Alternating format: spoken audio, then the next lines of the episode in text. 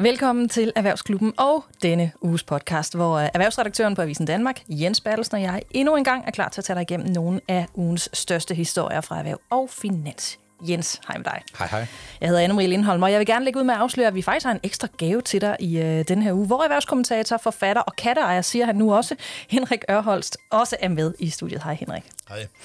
Henrik, du kommer faktisk til at gæste os flere gange her i øh, podcasten øh, i løbet af ja, resten af det her år.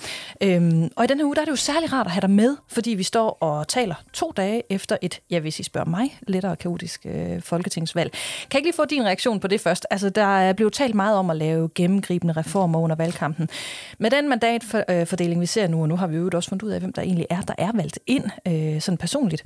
Øhm, men med den mandatfordeling, der er lige nu, hvor der, det ligner stadigvæk, der står to kongemærer i form af ja, et øh, amputeret radikale, og så ellers et særdeles velvoksen folketingsgruppe hos Moderaterne. Hvor nemt bliver det at lave de her reformer, øh, ja, som jo, jo vel i virkeligheden skal styrke dansk økonomi i en øh, krisetid? Det bliver rigtig svært, øh, fordi øh, vi kan jo se allerede nu, øh, så er kongerunden, eller dronningerunden, nu skal vi være helt præcis i, i gang nu, og vi ved slet ikke, hvor det ender hen. Altså, vi kan kun se, det er Mette Frederiksen, der får lov til at sidde for bordenden i forbindelse med den her runde der. Men hvor det ender, det er der ingen, der tør spå om, og jeg tør slet ikke spå om det. Og jeg må indrømme, når jeg kigger tilbage i historiebogen, så bliver jeg sendt tilbage til 1973, hvor vi havde et valg, der minder meget om det her, og hvor vi også havde det, som man dengang kaldte partiejere. Det vil sige nogle meget markante personer, der dominerede deres parti.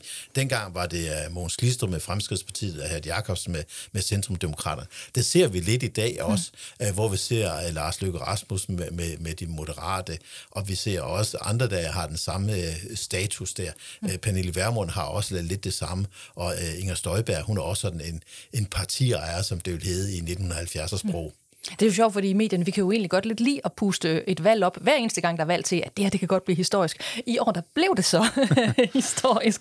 Jens, øh, jeg bemærkede jo faktisk, at, at Dansk Erhverv øh, allerede tirsdag var ude og udtrykke skuffelse over valgkampen, altså inden vi vidste noget som helst, øh, fordi de jo mener vel grundlæggende, at, at valgkampen har handlet øh, meget lidt om erhvervslivet. Forstår du skuffelsen, altså som, som den var jo i hvert fald inden valget var afgjort? Jamen det gør jeg. Altså, erhvervslivet har jo sagt, at beskæftigelse var, var det vigtigste øh, dagsordenpunkt for dem overhovedet, og det har vi ikke talt ret meget om. Øh, og det er måske fordi folk går og siger, at der er jo en krise lige om hjørnet, så altså, hvorfor skal vi tale om beskæftigelse? Vi har arbejdsløshed, øh, der, der, der vil øh, stige i de kommende måneder. Men erhvervslivet siger jo, at det er sådan mere på 5-10 år ude i fremtiden, at, øh, at de ser kæmpe store problemer. Øh, og nu har vi så et, et, et resultat, og ude i erhvervslivet, så, så er de dybt bekymrede for, at det her det kommer til at tage ikke bare uger, men måske længere tid at, at, at få en regering på plads. Så det der med, med sådan en politisk ramme, der er uforudsigelige, det, det, det kan de overhovedet ikke øh, holde ud i, i de her virksomheder. Men altså, der var jo to reaktioner lige umiddelbart efter, og de var faktisk meget ens. Øh, Dansk Industri sagde, at øh, kære nyvalgte politikere, I skal sikre, at I hæver arbejdsudbuddet med 50.000 flere personer i den øh, nye øh, valgperiode. Og Dansk Erhverv, de sagde med det samme, øh, det var Brian Mikkelsen, øh, at, øh, at det var så mindst 50.000 ekstra, de vil have i, i den øh, nye valgperiode her. Så det er, det er stadigvæk øh, det helt store øh, budskab fra, fra dem.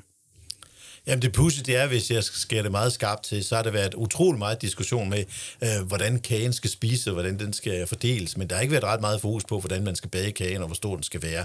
Og det er jo det, som erhvervslivet har som det fornemmeste mål, at det er, at man skal øge BNP, så der bliver mere delt ud af. Og der har der altså været alt for meget fokus på, øh, hvem der skal have, øh, have lov til at spise kagen. Og det er jo lidt trist. Men er det rigtigt set, altså det her med, at det er arbejdsudbuddet, der for erhvervslivet er den, er den store hovedpine? Altså lige her nu tænker man jo på, på vej ind i en krise, at det burde det måske ikke være, men er det så i virkeligheden hovedpine på den lidt længere bane? Jamen det er på længere bane, det, det er en udfordring, fordi lige nu er der, er der flaskehalsproblemer mange steder, men, men på øh, mellemlang sigt, så bliver det lidt mindre. Og vi kan også se i dag, at det, det bliver meget nemmere at få håndværkere, end, end det var for bare øh, seks måneder siden. Så mm.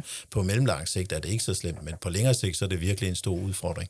Men når det her er sagt, så undrer det mig en lille smule, der ikke har været mere fokus på omkostningsniveauet i Danmark, fordi det er noget, det udlænding beklager sig meget over, og, og grunden til, at man fravælger Danmark, det er, at det er alt for dyrt. Og det er både leveomkostninger, som jeg sagde før, men det er også skatterne, der er et stort issue. Ja. Og skatterne er virkelig noget, der er svært i en politisk øh, valgkamp, som vi har set nu. Vi så jo, hvordan det, de konservative, de kørte i hegn blandt andet med det. Og hvis vi kigger til Storbritannien, så kan vi se Liz Truss, der også kørt helt galt i byen med hendes uh, ufinansierede skattelettelser. Så skattelettelser, det er sådan et mineret felt inden for politik, som man skal passe på med. Men det er et felt, som man skal forholde sig til, men det er bare ekstremt svært politisk. Jamen, det, vi to vi talte om det i går, der undrer du dig over, hvorfor det ikke har fyldt mere, men, men du giver vel nærmest selv svaret på, hvorfor at det ikke har fyldt. Jamen det er fordi, at det er simpelthen øh, et, et andet sted, kampen skal slås med vælgerne, og det er, det er i fordelingspolitikken. Mm. Og det er, øh, som økonom vil jeg sige, det jeg synes jeg er utroligt trist, men, men sådan er politik. Og det er også derfor, vi har så store problemer med at se, at erhvervsfolk i politik, de har ekstremt svært ved at forstå den måde, man tænker på i politik. Og den anden vej, der ser vi også den udfordring. Det er ekstremt svært at se politikere, de går i erhvervslivet og får succes. Det er meget sjældent, det sker. Vi fortsætter vores øh, fokus på, øh, på tal, når vi øh, lige straks tager hul på at tale om ja, det andet højdepunkt i den her uge, som er alle de regnskaber, der er væltet ind fra de store danske virksomheder. Nå, nu er du inviteret på Tour de Regnskab, hvor vi jo endelig kan snakke om øh, regnskaberne for nogle af de her giganter i det danske C25-indeks.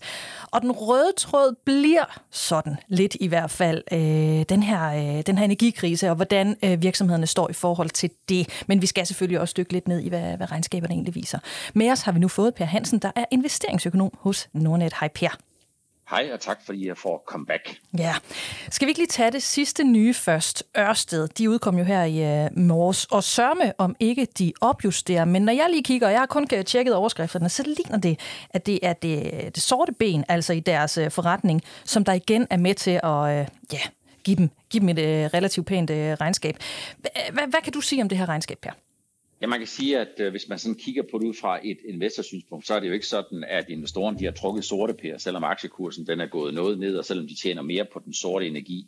Men noget af det, som jo driver Ørsteds øh, udvikling i indtjeningsforventningerne, og som er den primære årsag til, at de opjusterer, det er jo, når de laver de her frasalg. Det er jo sådan, de laver de her investeringer, så har de øh, typisk for vane at have dem i en årrække, og øh, så kan de godt finde på at frasælge helt eller delvist den andel af den investering, de har på et senere tidspunkt. Det er det, der sker i dag. Det er det, der er årsagen til, den primære årsag til, at de opjusterer. Og så er det jo sådan, at Ørsted, de er jo sådan lidt af det hele. Der er ingen tvivl om, at når vi kigger 10 år frem i tiden, så er Ørsted meget, meget lidt kraftværker. Stort set ikke nogen sort og dårlig samvittighed, og det hele det skal være grønt. Men vejen derhen, den er altså brolagt med lidt fossile udfordringer.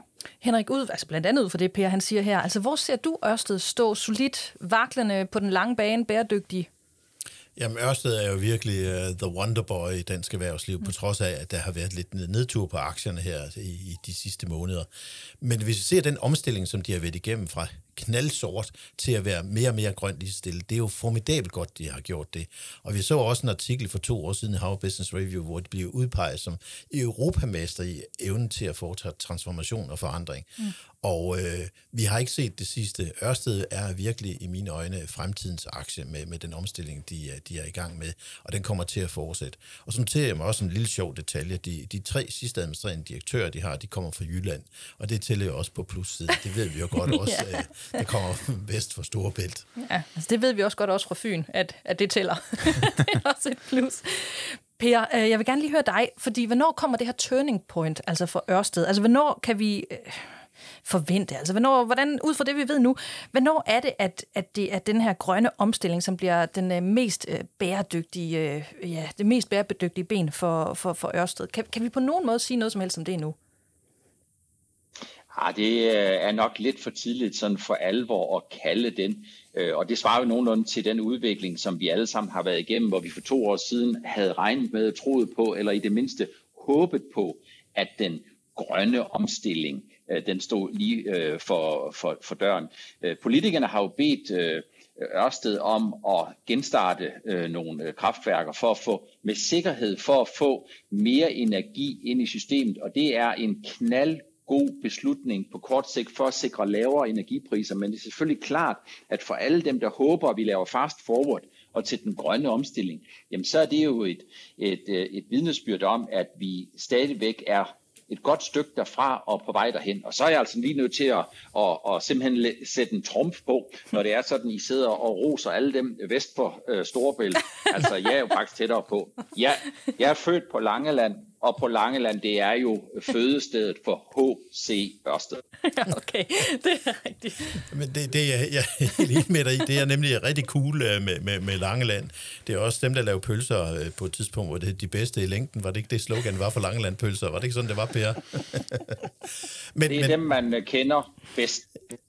Men hvis vi kan være lidt, øh, hoppe lidt mere ind i historien i det her, så er det jo interessant at se Ørsted sådan et meget langsigtet perspektiv, for vi så jo omstillingen, den startede jo allerede under Anders Elbdrup, der kom som departementchef for Finansministeriet og sat lige stille i gang med den her grønne omstilling. Og det blev så accelereret under, under Henrik Poulsen og i samarbejde med Goldman Sachs. Der blev rigtig sat gang i tingene. Og der er det sjovt at se, at altså, de har været rigtig gode til at tage de her forandringer. Og vi ser også, at de har været gode til at trække det bedste ting ud af den administrerende direktør. Vi ser den måde, de sælger de her virksomheder fra, som du er inde på mm. tidligere.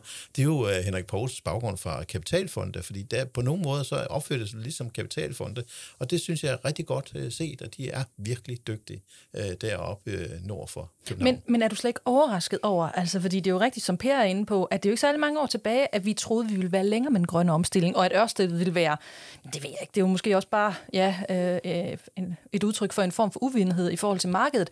Men er du alligevel ikke overrasket over, at det er så, at det, at det er gået så relativt langsomt? Jamen, det tager lang tid. Altså, det her, det som de er i gang med, det er jo ret tid omhu at gøre til, mm. til den rigtige tid, fordi hvis man laver en grøn omstilling alt for hurtigt, så mangler vi jo en masse energi. Mm. Det er jo derfor, vi har de udfordringer, som vi har for øjeblikket med, med Ukrainekrigen. Altså, vi mangler energien, det er simpelthen gået for hurtigt. Altså, der har jeg respekt for Ørsted til en lang, seje træk der, og det er også derfor, at det bliver altså fremtidens aktie. Lad os øh, mellemlande på øh, AP Møller Mærsk, fordi øh, deres regnskab det kom onsdag. Omsætningen steg fra 16,6 milliarder dollar til knap 22,8 milliarder dollar, mens øh, driftoverskuddet landede på næsten 9,5 milliarder dollar. Og det er altså mod de her 5,9 milliarder dollar, som, øh, som var i samme periode sidste år. Per, øh, jeg lægger lige ud med dig.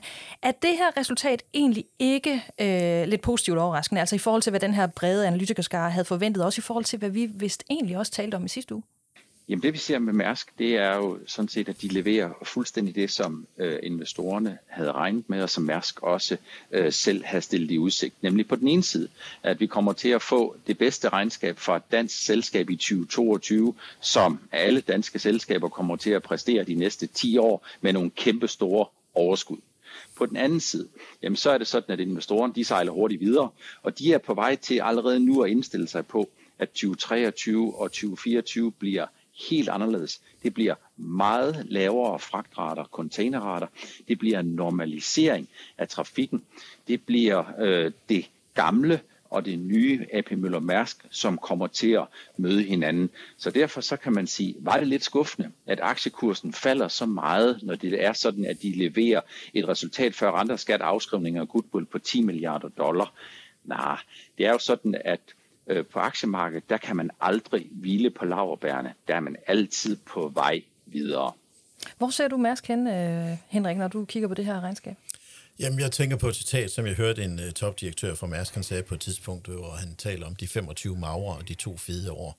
Og vi har haft de uh, to fede år nu, fordi det kommer til at gå tilbage, som Per siger. Mm-hmm. Og uh, om man skal kalde det normalisering, det kommer selvfølgelig an på, hvad man sammenligner det med.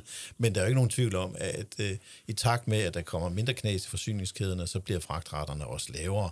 Og det er jo det, der rammer dem. Og der kan vi selvfølgelig begynde at stille spørgsmålstegn ved, er deres forretningsmodel den rigtige? Burde de måske begynde at sprede sig over nogle andre ting? Altså, det er jo noget, som de har gjort op med, at de fokuserer på et meget snævert område og bliver verdensmester inden for det. Men bagsiden er så, at så bliver man mere sårbar mhm. indtjeningsmæssigt. Men det er jo den gamle diskussion om, er det virksomheden, der skal foretage risikospredning, eller det er aktieejeren, der skal gøre det. Men er det noget, der sådan øh, rokker ved Mærsk, øh, den, den status, de har som sådan aktiedarling blandt øh, danske private investorer og også altså, en pensionsopsparer? Hvad, hvad siger du, Henrik? Nej, slet ikke. Altså, øh, det, Mærsk er jo stadigvæk sådan en rigtig folkeaktie, og der er meget stærk veneration og meget stærke følelser omkring det der. Og det gælder også øh, til vis grad i udlandet. Som vi hørte en kvinde ude i Singapore, hun sagde på et tidspunkt, jeg ved ikke, hvorfor den danske flag det ser ud. Det er sådan en blå stjerne med, med syv takker på. Ikke? Altså, der, der er meget stærke følelser, ja. og vi ser jo også, at øh, dengang han Møller lige ud, så var det jo en, som alle danskere vidste, hvem var. I, dag, så tror jeg ikke, man har det, det samme med forhold til øh, Robert Ugla og til Søren Skov. der, og det, det er bestemt ikke det samme. Så øh, der er ikke nogen tvivl om, at det er stadigvæk en folkeaktie, og det kommer det til at være altid. Men så vil jeg egentlig gerne høre øh, jer to, øh, de her Henrik og, og Per, om, når I kigger på øh, og ser, at Mærsk forventer det her fald i den globale efterspørgsel øh, på mellem, øh, altså på containerfragt selvfølgelig, på mellem 2 til 4 procent øh, mod tidligere have været i den her lidt lave ende af, af 1 procent. Altså øh, holder det stik, og hvordan ser, forventer I, at det ser ud til næste år? Lad os bare begynde med dig, Henrik. Jamen, jeg synes, det ser, lyder meget rimeligt med et fald på det her, mm-hmm. og øh, man må også huske på, at det var Søren Skov, der sagde det, og han er jo virkelig tæt på forretningen. Øh, han er jo en person, der har taget øh, karrieren helt øh, fra bunden af Mærsk som elev op til administrerende direktør, så han øh, har jo virkelig fingrene på pulsen og ved, hvad, hvad der foregår, både gennem at læse regnearkene, og, men, men også ved at øh, tale med folkene rundt omkring i, internt i organisationen. Mm. Og der er selvfølgelig også en meget tæt kundekontakt stadigvæk fra Søren Skovs side. Så jeg har meget stor tiltro til de her tal, som Søren Skov lægger frem. Og, og Per, de her 2-4 procent, hvordan tror du, de kommer til at udvikle sig i de kommende år?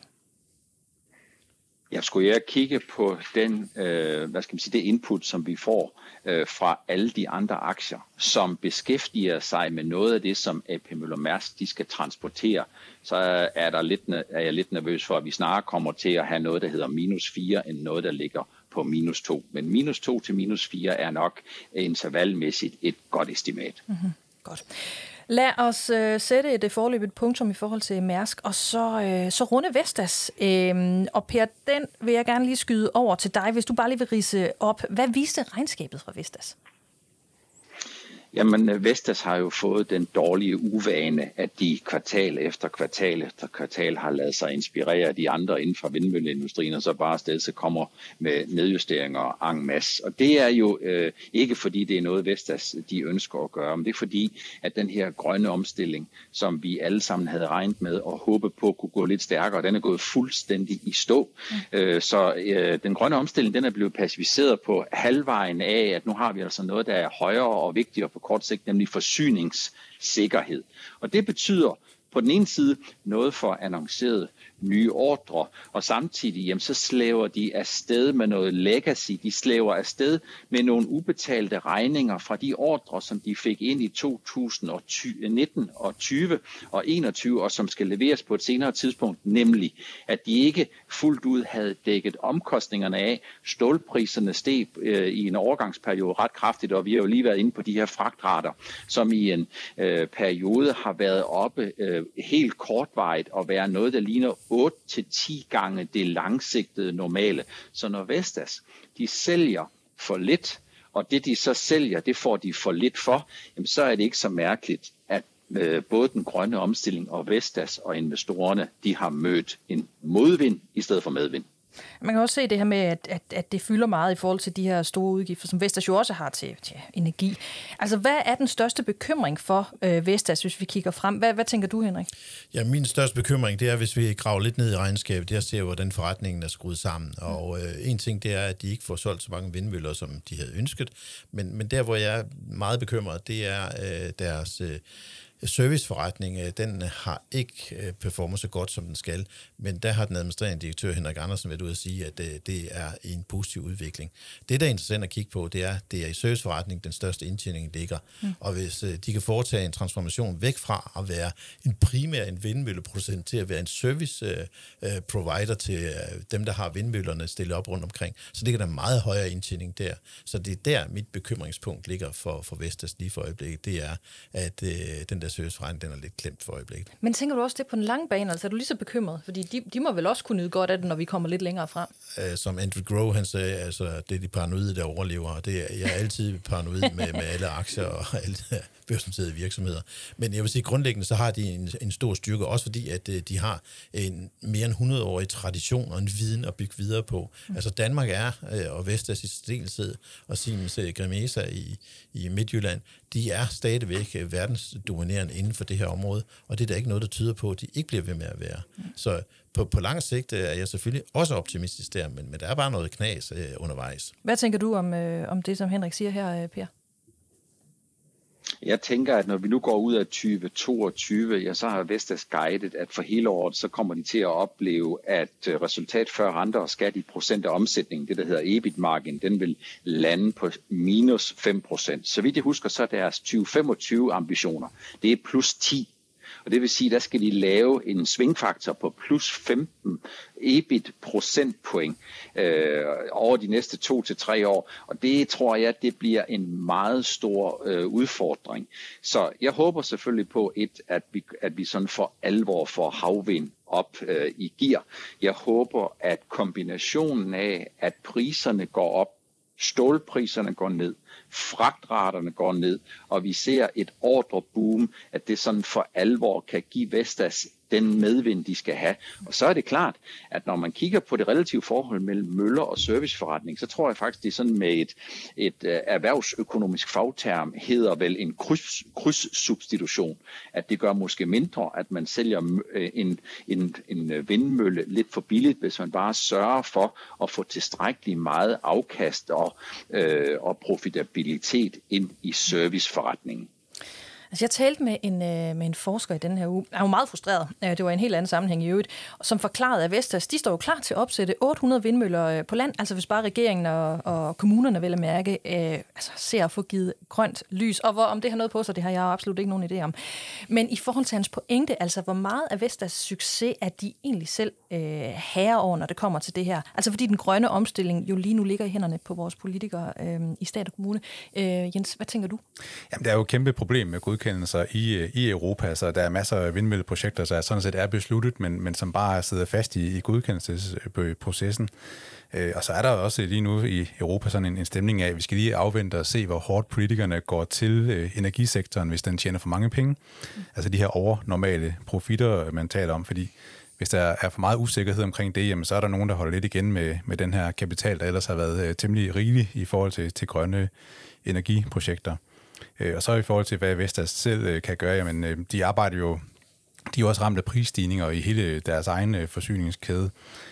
Men de har altså også meldt ud, at de hæver jo priserne alt, hvad de overhovedet kan slippe afsted med lige nu. Og det er så vist det, der, der giver også et lille håb hos øh, aktionærerne.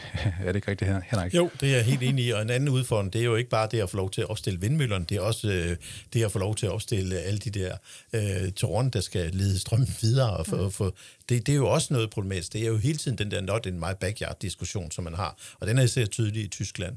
Okay. Jeg vil gerne lige runde øh, energikrisen af for fælles for alle de her tre virksomheder, for mange andre virksomheder i, i dette land. Så står der jo udfordringerne i forhold til den energikrise, som vi øh, bliver ved med at tale om, men som på en eller anden måde er udblevet, i hvert fald indtil nu. Og jeg vil godt lige høre, øh, jeg vil egentlig gerne starte med dig, Henrik. Hvad tænker du om, om den her energikrise, som, som øh, vi ser ud til at undvige, for i hvert fald for i år? Øh, men nu taler alle eksperter så om, at uha, næste år, så, så bliver det slemt. Hvad, hvor tænker du, vi står hen? Jamen, det er jo sådan lidt, at ulven kommer hele tiden, ikke? Mm-hmm. Altså, hvis vi skruer tiden tilbage til august, så taler vi om, at vi får en kold vinter. Det går helt, i, helt galt, og vi kommer til at mangle gas, og vi skal have 12 graders øh, varme i stuerne og alt muligt der. Det er helt galt. Men der ser vi så, jamen, gaslagerne de er mere fyldt end nogensinde før, vi ser, energipriserne de er på vej ned, og så er man begyndt at bekymre sig over, hvordan ser det ud næste år. Men der vil jeg så sige, at øh, næste år, det er jeg faktisk ikke særlig bekymret over, fordi øh, på det tidspunkt, så er de der franske atomkraftværker, som der er under renovation lige for øjeblikket, der burde de jo være færdige, samtidig med, at øh, uh, tyrefeltet, det begynder at give gas og olie, så der er også hjælp derfra. Plus også, at uh, Norge og Sverige, de, de formodentlig får fyldt op med deres vanddepoter, så det kommer til at se bedre ud. Så jeg er ikke sådan specielt bekymret, uh, når vi når frem til 2023, og faktisk heller ikke i år. Mm. Hvad med dig, Per? Er du bekymret for de her virksomheder i forhold til det scenarie, hvad er det, Henrik han, øh, han sætter op her? Jeg er meget bekymret, når det er sådan, at politikerne de forsøger at gribe ind i markedsdynamikken.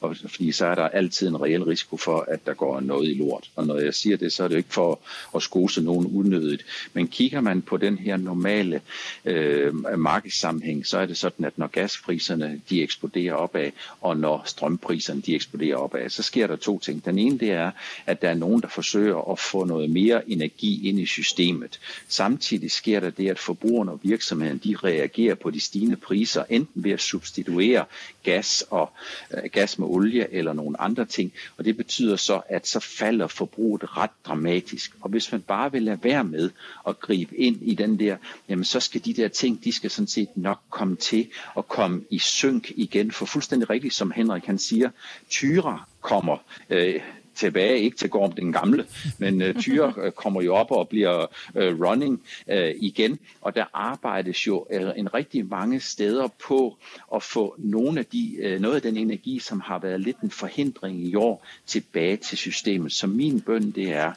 Øh, man skal sørge for at få så meget energi ind i systemet, fordi øh, det samfundsøkonomiske tab af at mangle en lille smule energi, det er altså, øh, at forbrugerne gennemsnitligt skal betale alt for mange omkostninger, hvis vi bare vi mangler en lille smule. Og så er min bøn det er også, at politikerne de skal helst ikke blande sig i noget, nogle markedsdynamikker, og det er simpelthen fordi, det ved de ingenting om. Lad os uh, slutte det her Tour de Regnskab af med en slags happy note, fordi sidste uge der stod vi og var, uh, Jens var vi ikke det, vi var lidt bekymret for Netcompany. Det er rigtigt. Uh, ja. og så er regnskabet jo landet. Per, det, det, det var ikke helt så tosset, vel? Altså det så da, så da bedre ud end forventet. Ja, man kan sige, at øh, hvis man kigger på Netcompany de sidste tre, fire kvartaler, så har de både leveret meget ujævnt. Væksten har været øh, på vej ned, og så kulminerede den her negative udvikling. Den kulminerede i anden kvartal, hvor de havde et alt for stort øh, fravær, øh, som øh, de ikke var i stand til at overbevise investorerne om, sammen med en stigende personaleomsætning var af forbigående karakter. Det vi ser nu, det er, at tredje kvartal øh, er væsentligt bedre end ventet og dramatisk bedre end frygtet. Det vi ser nu, det er også, at øh, investorerne i hvert fald kortvarigt køber ind på en præmis om, at vi er på vej til en normalisering med hensyn til personalomsætning og med hensyn til det fravær, som fulgte i kølvand på nedlukning og covid-19. Så på den måde, så kan man sige, at regnskabet det var væsentligt bedre end øh, forventet og dramatisk bedre end frygtet, investorerne de håber nu på, at Netcompany er på vej tilbage på vækstsporet igen profitabelt. Sikke en uge det har været for Twitter og Elon Musk, øh, fordi han har jo siden det her officielle køb øh, af Twitter indsat sig selv som CEO. Og øh, Per, du har, han har jo fyret øh, topchefen Parag Agrawal og en række andre direktører. Og du har sendt mig en mail her i morges, Per, øh, hvor du lige minder mig om, at han også har tænkt sig at skille sig af med halvdelen af de ansatte også. Hvad, hvad har du at sige til det her, til det her Twitter-hej, som vi har talt så meget om i, øh, her i podcasten? Elon Musk han har jo en knaldgod idé, indtil han får den næste knaldgode idé, som så overtrumfer den idé, han lige har haft. Så der er sket rigtig meget på de seks måneder, hvor Elon Musk han har været tæt på Twitter. Først købte han en portion, så vil han gerne købe det hele.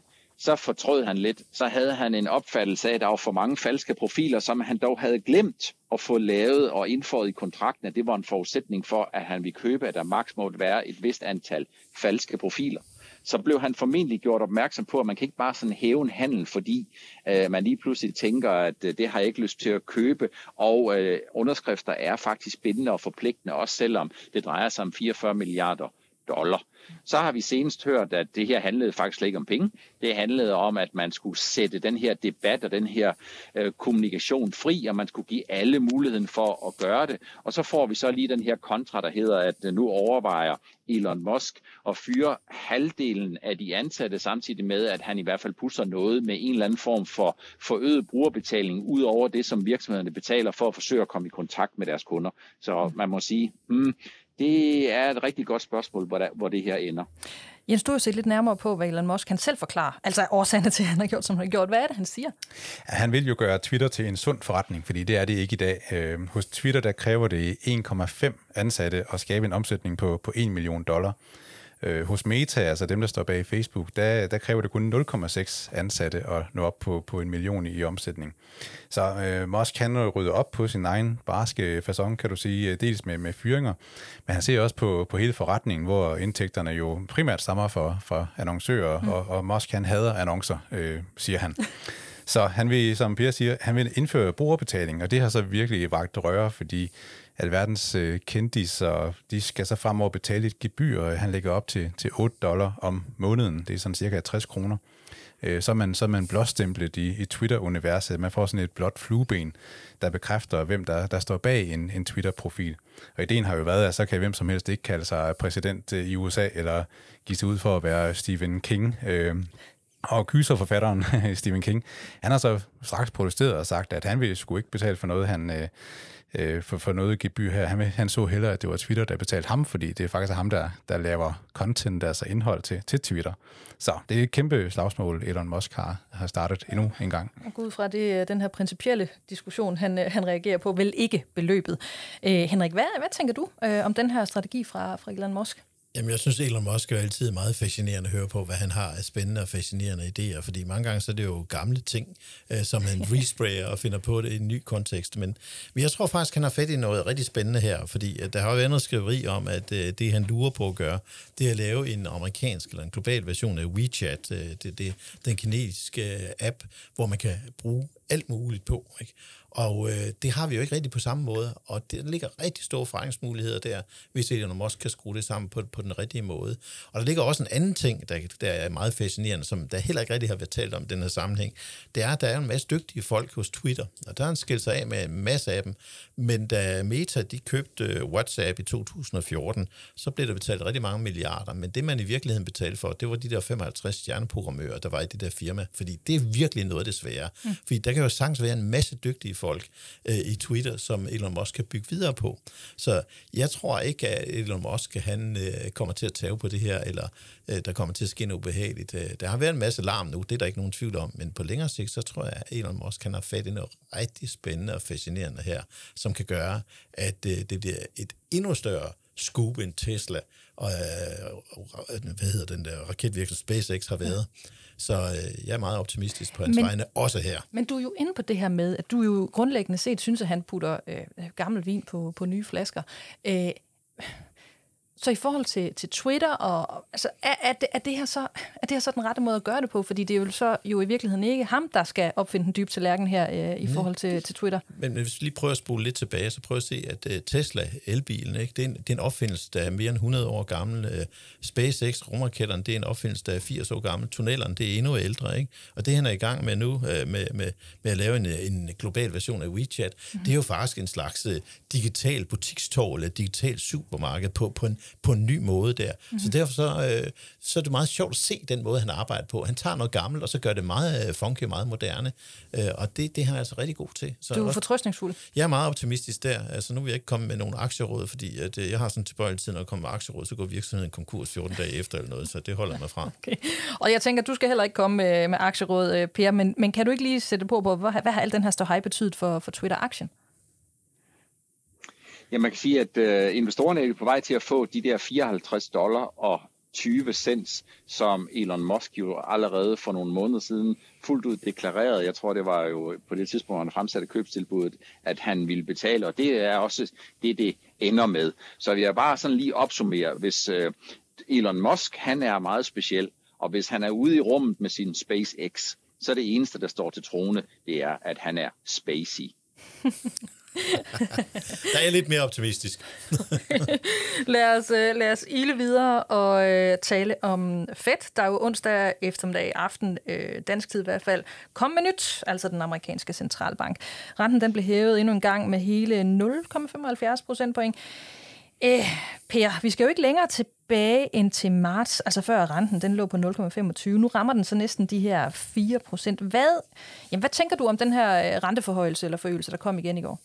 Jamen, jeg tænker flere ting. For det første, så var de 0,75, de var fuldstændig forventet, og investorerne havde også indstillet sig på, at der kommer endnu en, og det kan meget vel være en nogenlunde samme størrelse i december. Så som udgangspunkt, så plejer det at være sådan, at rygterne, de iler i forvejen, og forventningerne har allerede indstillet sig på det, man har forsøgt at forventningsstyre, både nutidigt og også fremtidigt. Og når det er sådan, at investorerne alligevel får rigtig ondt i maven på aktiemarkedet, jamen så skyldes det en pasus, tror jeg, fra Federal Reserve, der ligesom siger, det er endnu for tidligt at sige, at man skal sætte rentestigningerne på pause.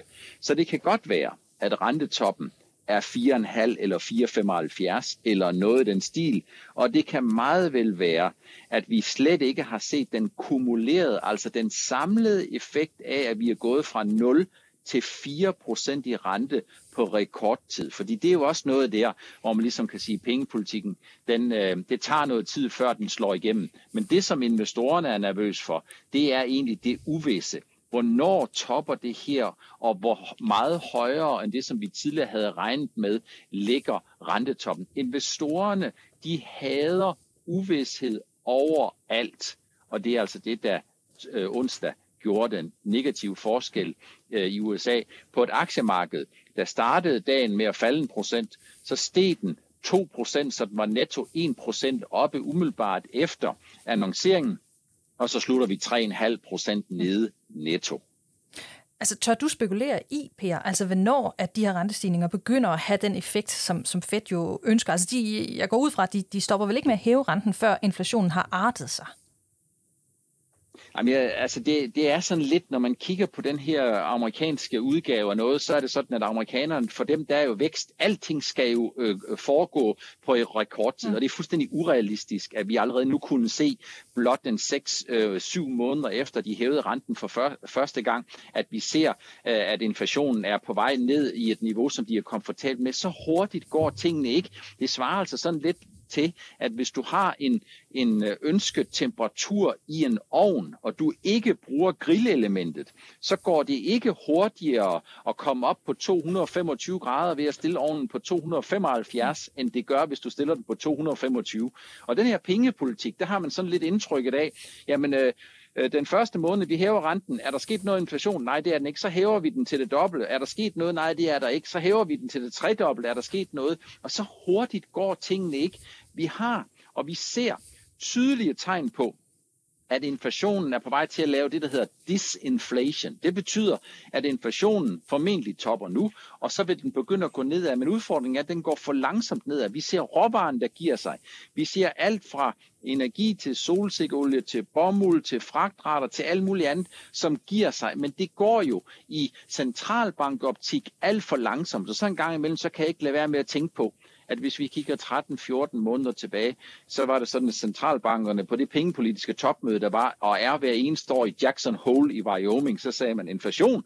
Jamen, uh, tag det roligt. Det er ligesom en bus. Den kommer kørende hen til stoppestedet, og så kører den hurtigt igen, og så kører den videre. Den holder her ikke ret længe. Og nu her, uh, 13, 14, 15 måneder senere, jamen så får vi så at vide af centralbankerne, at det de med garanti ikke kunne se den her gang, det kan de nu med garanti se vare rigtig, rigtig længe. Og der må man sige, hmm, det her, der har centralbankerne altså et meget stort forklarings- og troværdighedsproblem.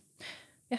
Og man kan også sige, at uh, centralbanken de har faktisk været lidt for sløve i optrækket, uh, både på den her side af Atlanten og på den anden side af Atlanten. De skulle have reageret meget hurtigere, men det gjorde de altså desværre ikke, fordi de var alle sammen optimistiske. Det er kun noget, der er forbigående med den høje inflation, og det var der, det gik galt. Og så lad os tale lidt om den pris, vi så betaler for, for det her nu. Altså, øhm, fordi vi taler jo meget om, om Fed, også her i, øh, i podcasten, men hvor direkte er påvirkningen egentlig, altså når de hæver renten, altså på, for, for os, som de nu har gjort igen? Altså Henrik, hvad tror du, hvor meget tror du, dansk erhvervsliv for eksempel sidder og følger med øh, i den her renteudvikling, øh, som, som kommer fra Fed? Jamen, de følger relativt godt med, men det afhænger selvfølgelig af, hvad det er for nogle virksomheder, mm-hmm. fordi det er klart nok, hvis man er fra den finansielle sektor og i, i det miljø der, så følger man rigtig meget med, men, men hvis man sidder og er HR-chef i en stor virksomhed, så sidder man jo ikke og holder øje med det. Men det er noget, man generelt er opmærksom på, hvad renten er. Og der er ikke nogen tvivl om, at i økonomiafdelingen rundt omkring, så kigger man jo på, hvad er renteomkostninger, er de stigende eller ej? Og det må man jo forholde sig til. Men når det her er sagt, så er der en ting, der undrer mig rigtig meget, det er, hvor er finanspolitikken i det her? Fordi det er ligesom om, at, at det, det er hele det overladt til at pengepolitikken og Nationalbanken, de skal klare den der inflation. Men jeg synes godt, at finanspolitikken kunne bidrage lidt. Men Hvordan problem, tænker du? Det kunne man jo for eksempel gøre ved at skrue ned for aktiviteten i samfundet, ved at øge skatterne og øh, sænke de offentlige udgifter udgifter. Mm. Men det er jo ekstremt besværligt og politisk uspiseligt, så dels i Danmark i et valgår. Øh, jeg tror ikke rigtig, der er nogen politikere, der vil gå til valg på at skrue ned for de offentlige udgifter og op for skatterne. Det, det er jo, vi har set præcis det modsatte, som vi også talte om i starten af, af den her podcast. Mm-hmm. Nå, men øh, lad os lige runde det her øh, øh rentemiljø af med, øh, med jer. Sådan set er begge to, Henrik og Per, for I har været med i mange år. I har prøvet op- og nedtur i konjunkturer. I har prøvet øh, renter på, til den ene og til den anden side. Er der noget historisk lige nu på den her måde, øh, eller ved det her rentemiljø, som vi befinder os i dag? Hvad, hvad tænker du, Per? Er det sådan helt særligt ekstraordinært noget, som vi kommer til at tale om om 20, 30, 40 år? Jeg tror, at vi kommer til at tale om, at det særlige ved det her, det er, hvor hurtigt vi fik øh, renterne op. Så tror jeg, at vi kommer til at tale om, at 2022 formentlig bliver det næstringeste år inden for de sidste 90 år for en 60-40 øh, investor. Det vil sige en investor, som har investeret 60% af sin, af sin porteføljepenge i aktier og 40% i obligationer, at man har faktisk øh, fået stort set det samme negative afkast for en sammenlignelig risiko på en obligation, som man har fået øh, i aktier. Øh, så, og så tror jeg, at man kommer til at kigge på det, som Henrik han øh, siger her, jamen, øh, at centralbankerne, de har på den ene side, så har de altså misset en chance for at stramme op på et væsentligt tidligere tidspunkt, men samtidig også, så har centralbankerne lidt den udfordring, at finanspolitikken, jamen det er sådan set lidt en politik, der er blevet fraværende, og det er jo også det, som Lars Rode, den danske centralbankchef jo egentlig siger, at vi synes faktisk, at vi skulle have en opstramning, hvor vismændene siger, at det er der sådan set ikke behov for. Lars Rode, han er ikke på valg. Det er politikerne. Ja, man, man kan jo sammenligne det lidt med at hive et plaster af. Altså, skal man trække det af hurtigt, eller skal man trække det af langsomt? Og det er en strategi, som man har valgt øh, i, i store dele af verden. Det er sådan den langsomme strategi. Altså, hvis man virkelig skulle slå inflationen ned hårdt, så skruede man op for renten og, og øh, op for skatten og ned for, for de offentlige udgifter. Den der cocktail, det vil jo lægge inflationen ned på, på meget kort sigt, men det vil være fuldstændig politisk uspiseligt. Og så er vi jo tilbage til en gammel diskussion omkring, skal Nationalbanken være en del af, af det politiske? Og i dag så er det jo et kendetegn for Nationalbanken, at de er fuldstændig uafhængige, at de skal jo træde på bremsen, når det går alt for godt, og træde på speederen, når det går øh, for ring. Okay. Vi øh, slipper dig her, Per Hansen, øh, hedder det, fra, fra Nordnet. Mange tak, fordi du er med i Erhvervsklubben i dag. Tak, fordi jeg fik lov til at være med i en Excel-udgave. Ja, det var en stor fornøjelse. Så fik vi sendt Per godt afsted. Her, øh, her til sidst, Henrik øh, så er vi lige nødt til at runde din påklædning i dag. Altså normalt er det jo ikke noget at kommentere på, øh, påklædning øh, af nogens, øh, nogen art. Øh, men det kommer vi altså ikke udenom i dag, fordi du har ført en flot, flot strik fra Lidl med flot julemotiv på i alle Lidls øh, farver. Øh, og jeg lover til jer, der, der lytter med, at jeg lægger et øh, billede ud på vores LinkedIn-profil øh, senere her torsdag, sådan så alle jer, der, der er blevet interesseret, I kan se, hvordan den ser ud. Kan du lige øh, forklare, hvorfor er det, du har taget den her trøje på? Jamen, det er fordi, jeg synes, den er rigtig smart øh, på, på nogle måder. Det er der sikkert nogen, der har en hjerneblødning af, jeg siger. Men, men jeg har en, en vis fascination af Lidl. Øh, både deres forretningsmæssige koncept, men jeg har også en fascination af, at øh, de er i stand til at lave de her kollektioner, der virkelig rammer plet med alt muligt der. Vi så sidste år, der lancerede de også en julesvætter øh, i, i Danmark, som jeg gik ned i min lokale Lidl og købte. Og vi så også øh, noget tid øh, efter, eller var det før, det kan jeg dårligt huske, så havde de også nogle Lidl-sko. Og de der sko, det gik jo virkelig virkelig bananas, og de bliver solgt i den blå avis til meget høje priser. Og jeg vil selvfølgelig gerne have et par selv, men de var desværre udsolgt i, i alle de lille, jeg gik hen og besøgte, så jeg var nødt til at købe det i, dem i den blå avis som måtte betale. Jeg tror, det var 400 kroner, jeg betalte for dem, og dem er jeg faktisk meget glad for at, at jeg har, fordi jeg synes faktisk, det er en rigtig sjov idé. Og vi ser jo også, at de har lavet andre ting. De har også lavet badetøfler, og de har også lavet sokker med, med lille motiver. Og det, der er fælles for det, det er, at det bliver revet væk. Jamen, det er, det, det er skørt. Altså, det er, hvordan var reaktionen i Storbritannien? Fordi sidste år med den juletrøje, der kom der, så vidt jeg kunne se det, jeg tror faktisk, det var dig, der fortalte det i går, den blev, altså, det var helt vildt. De solgte jo en, var, var det hver andet sekund fra den dag, den blev, øh, blev sat til salg. Hver anden sekund bliver der solgt en, en lille øh, øh, øh, juleti eller juleshirt der, så det blev kæmpestort derovre. Og hvis, øh, vi så også, da det, da det breakede nyheden den 1. november, så britisk presse samlede den jo op, og det, der, der var rigtig meget omkring det her. Øh, og i Storbritannien koster de jo ikke ret meget. De koster 8 pund, det er jo ingenting. Jeg gætter på, at i Danmark kommer til at koste lidt mere. Og jeg skal lige skynde mig at sige her, for at være rigtig ærlig, så, så har jeg fået tilsendt den her fra, fra Lidl, fordi øh, sidste år, da jeg købte den der øh, bluse, så lagde jeg et opslag ud på LinkedIn, LinkedIn og skrev lidt om det, og det gav rigtig mange kommentarer, inklusive en kommentar fra den administrerende direktør fra Little Danmark, hvor han skrev, you look a little bit better in a little shirt. Og det var jeg da glad for, og så skrev han så også, at han sendte en til mig næste år, den kom så med posten uh, i, i går. Men hvad hulen er det, Little kan? Altså, hvordan kan de være trendsetter på sådan noget her? Altså, hvad er det, de har fanget, som, som mange andre ikke har? Jamen, det der er interessant, det er, at man har et begreb, der hedder øh, normcore, altså hvor man prøver at sammensætte noget meget smart med, med noget meget billigt, og, og det er det, som vi ser lidt lure på her. I København på Østerbrogade, der har man en, en, en virksomhed, en butik, der hedder Jørnes Production, der sælger sådan meget billigt øh, tøj. Og hvis man kommer hen en eftermiddag, så er der lange køer af teenagepiger, der står og venter på at komme ind. Og det er altså ikke dyre ting, de sælger. Det er meget billigt. Det er sådan noget med 100 og 150 kroner for en t-shirt og en, og en sweatshirt, så det er meget billigt. Så det er den der normkår. Og vi så også, Jamie Ryngveld, han sagde jo øh, i Ekstrabladet sidste år, da lille øh, trøjen den kom ud, så talte han, de rammer den lige i røven. Ikke? Mm. Fordi det var simpelthen så godt ramt. Og jeg må også indrømme, at jeg har fået rigtig mange positive kommentarer for, for den, men også nogle drilske kommentarer med, at jeg vist skal have efterset min, min smag i tøj. Ah, vise vasse. Den klæder dig. Ja, tak. Jens, jeg kunne godt lige tænke mig at blive lidt klogere på, på Lidls forretning i, i Danmark, fordi hvad ved vi egentlig om den?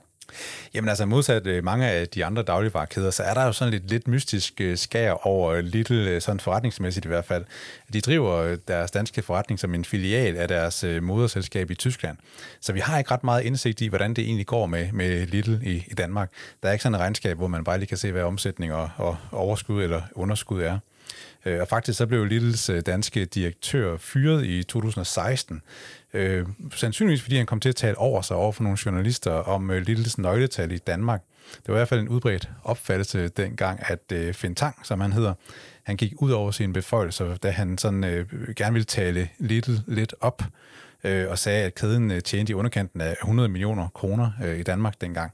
Alle troede, at de nok tabte penge, ligesom øh, deres øh, tyske kolleger hos øh, Aldi. Øh, Øh, og Finn Tang, han endte så faktisk med at blive topchef i Aldi i, i Danmark øh, sidenhen, så, så der har han virkelig hænderne fulde. Men altså, det vi ved er, at de har 138 butikker i Danmark. Øh, Retail Institute Scandinavia, som sådan øh, overvåger det her dagligvaremarked de anslår Lilles omsætning til knap 5 milliarder kroner. Og det er sådan cirka på niveau med, med Aldi, som bare har mange flere øh, butikker. Og vi ved om Aldi, de taber virkelig mange penge for hele tiden øh, ekstra kapital op fra, fra deres øh, forældre i, i Tyskland. Men altså i forhold til de helt store øh, Netto, øh, Coops, øh, 365 discounter og Rema 1000, der er øh, både Lidl og Aldi øh, langt bagefter. Synes du, øh, Henrik, også at, at lidt, er lidt mystisk på den her måde, som Jens er inde på? Jamen, øh, jeg vil sige, hvis jeg ser det som forbruger, så synes jeg faktisk, det er en rigtig god forretning. Jeg kan godt lide at købe ind i, i Lidl. Mm-hmm. Og jeg må indrømme, som jøde, så elsker jeg jo deres slogan øh, på tysk. Lidl lohnt sig. Lidl betaler sig. og jeg må sige, at når jeg ser deres tilbudsavis, som jeg læser trofast øh, hver, hver søndag, og ser deres temaer, hvor de tager Balkan-tema, eller fransk tema, eller amerikansk tema, det synes jeg er rigtig sjov idé, og rigtig godt, og i øvrigt nogle gange smager rigtig godt, faktisk. Mm-hmm. Øh, lad os lige slutte af med en, øh, en snak om øh, den trøje, du så har på, for den adskiller sig jo fra den, du havde på sidste år, den som der kom til at trende, den ser lidt anderledes ud. Tror du, den bliver lige så stort hit i Danmark? Det er jeg ret sikker på, at det bliver. Altså, okay. Jeg er ret sikker på, at den bliver revet væk øh, på meget kort sigt, ikke? fordi de rammer et eller andet øh, med det her, der er sådan mm. lidt, på en måde lidt ironisk, lidt sjovt, og så alligevel sådan lidt ægte. Det, det er en god historie med, med, med, med det her. Jeg kan mærke, at jeg er nødt til at stille mig i kø. Lidl nærmest med det samme, at, øh, at den dag, den oprinder, så øh, julegaven, det kan blive sikret. Henrik Ørholst, mange tak, fordi du kom i studiet i dag, og havde jo jo din debut i Erhvervsklubben. Fordi det her, det var alt for Erhvervsklubben. Tak, Henrik, fordi du var med. Velkommen. Og til dig, Jens. Tak for i dag. Jeg hedder Anne-Marie Lindholm. Vi høres ved igen om en uge.